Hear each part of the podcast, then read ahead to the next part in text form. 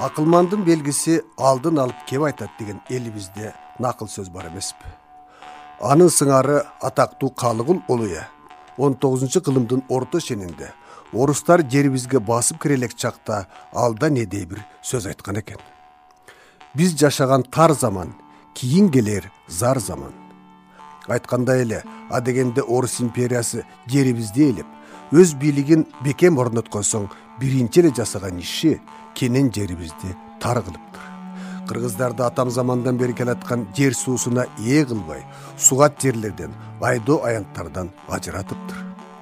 Калыгул олуялык кылып айткан тар заман акыры башыбызга келип анын артынан чыныгы зар заман келиптир кылымдар бою ээн эркин жашап эч кимге күнкор болбой келген кыргыз эли жыйырманчы кылымдын башында чындап заманасы курулуп айрыкча орусия дүйнөлүк биринчи согушка катышып алык менен салык күн сайын болбосо да ай сайын өсө баштаган учурда эл нааразылыгы апогейине жеткен экен. Ак падыша залимге алты атабыз караган ак калпактуу кыргызды айдаган малдай санаган деп ырдаган экен атактуу ырчы калык акиев ошондо деле байыртан өз жанын өзү багып көнгөн кыргыздар чыдай бермек го бирок ак падыша николайдын бир миң тогуз жүз он алтынчы жылдын жыйырма бешинчи июндагы жардыгы менен он тогуз менен отуз бир жаштын ортосундагы миңдеген жаш жигиттер аскерге чакырылат деген кабар угулганда ансыз да чыдамы чегине жетип турган эл чагылган сыяктуу чарт дей түшкөн. Башка катуу күн түшкөндө заматта чогула бириге калган кыргыздар аскерге жигиттерибизди бербейбиз деген эл журт ошентип орус бийлигине каршы куралдуу көтөрүлүш баштаган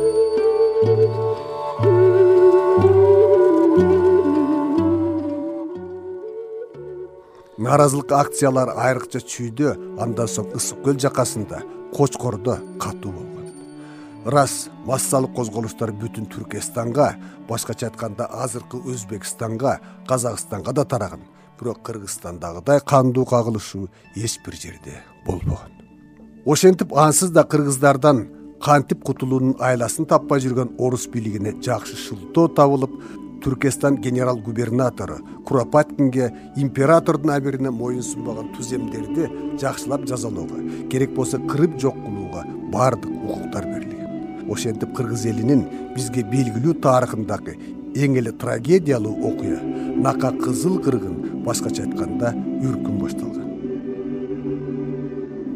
Күрөшкө аттанган кыргыздардын каармандыгы шамдагайлыгы чечкиндүүлүгү абдан жогору болсо да куралсыздык заманбап аскерий тажрыйбанын жоктугу. Эл ичиндеги ырксыздык тез эле акыбалды тескери жакка буруп негизинен союл шылк этме чочмор баш жана башка куралдар менен куралданган жигиттер чабуулга эмес коргонууга өтүп көтөрүлүш бара бара улуу үркүнгө айлана баштаган.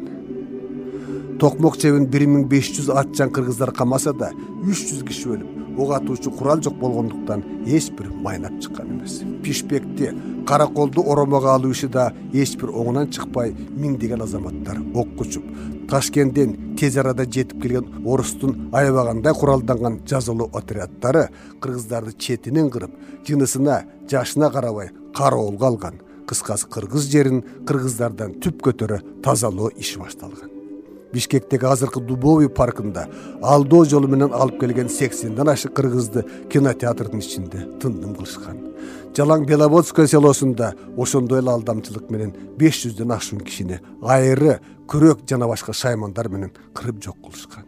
Мындай кыргындарды санай берсек сөздүн аягына эч качан чыкпас элек. Мага раматылык саткын сасыкбаев жазуучу жана очеркист айтып берген бир эпизод эч бир эсимен кетпейт ал кезде алты жашар бала элем. Бир маалда жайлоодогу айыл ичи уу чуу түшүп жатып калды. Эмне болуп кеткенине эч бир түшүнбөсөм да тир укмуш бир алаамат башталганын бала болсо да сездим. Аңгыча чоң энем атчан баратып мени жерден эңип алды да артын учкачтырып түн ичи тынбай жол жүрүп акыры тополоңго түшкөн эл менен кичигеминдин башына жетип анан белге чыктык. Ошондо бир заматка аттарды өргүтүп алуу үчүн тизгин тартып артка кылчайып карасак алоолонуп жаткан укмуштуудай чоң өрт көрүндү. Көрсө эми ала була болуп бышып бараткан эгинди орустарга жем болбосун деп качып бараткан кыргыздар атайын өрттөп жиберишкен экен. Ошондогудай буркурап ыйлаган элди айрыкча эркектерди эч качан көргөн жокмун. Эми кайра туулган жерге кайтпай калдык го деген кыргыздар кайыр кош кайран жерлер деп акыркы сөзүн айтышып көзүнүн жашын көлдөткөн боюнча ашууну ашып акыры ысык көлгө жеттик. Эскерүүлөргө караганда июнь жана июль күндөрүндөгү боом капчыгай мал жаны менен качып бараткан элге кым куу түшкөн качкындарга батпай жан кейите турган буркурап ыйлай турган муңдуу көрүнүшкө айланган экен. Андан да оор азап тозоктор ысык көлдүн сыртына жеткенде азан болгон эл ашууларга жакындаганда аяосуз кыргын салган орус отряддары арт жактан куугунтуктаганда башка түшүптүр. Азыркы кумтөрдөн өтүп ак өгүздүн ашуусуна беделге башкача айтканда кытайга аша турган ак кар көк муздуу ашууларга жеткенде октон эмес ачкадан өлгөндөрдүн оорудан эпидемиялардан тар жол тайгак кечүүлөрдөн ажал тапкандардын саны күн сайын эмес саат сайын өсө баштаптыр ошентип кылым карыткан кыргыз элинин тарыхындагы эң бир азаптуу трагедия адам айтып бүткүс одиссея башталыптыр үркүнгө өзү катышып бүт баарын баштан кечирген абылкасым жутакеев мынтип жазган. Калың бугу сарбагыш кайрылбастан ал кетти мал пулуна карабай эчен түркүн жан кетти. Эл качканда эңирип эгин калды басылуу кайнап турган жеринде казан калды асылуу.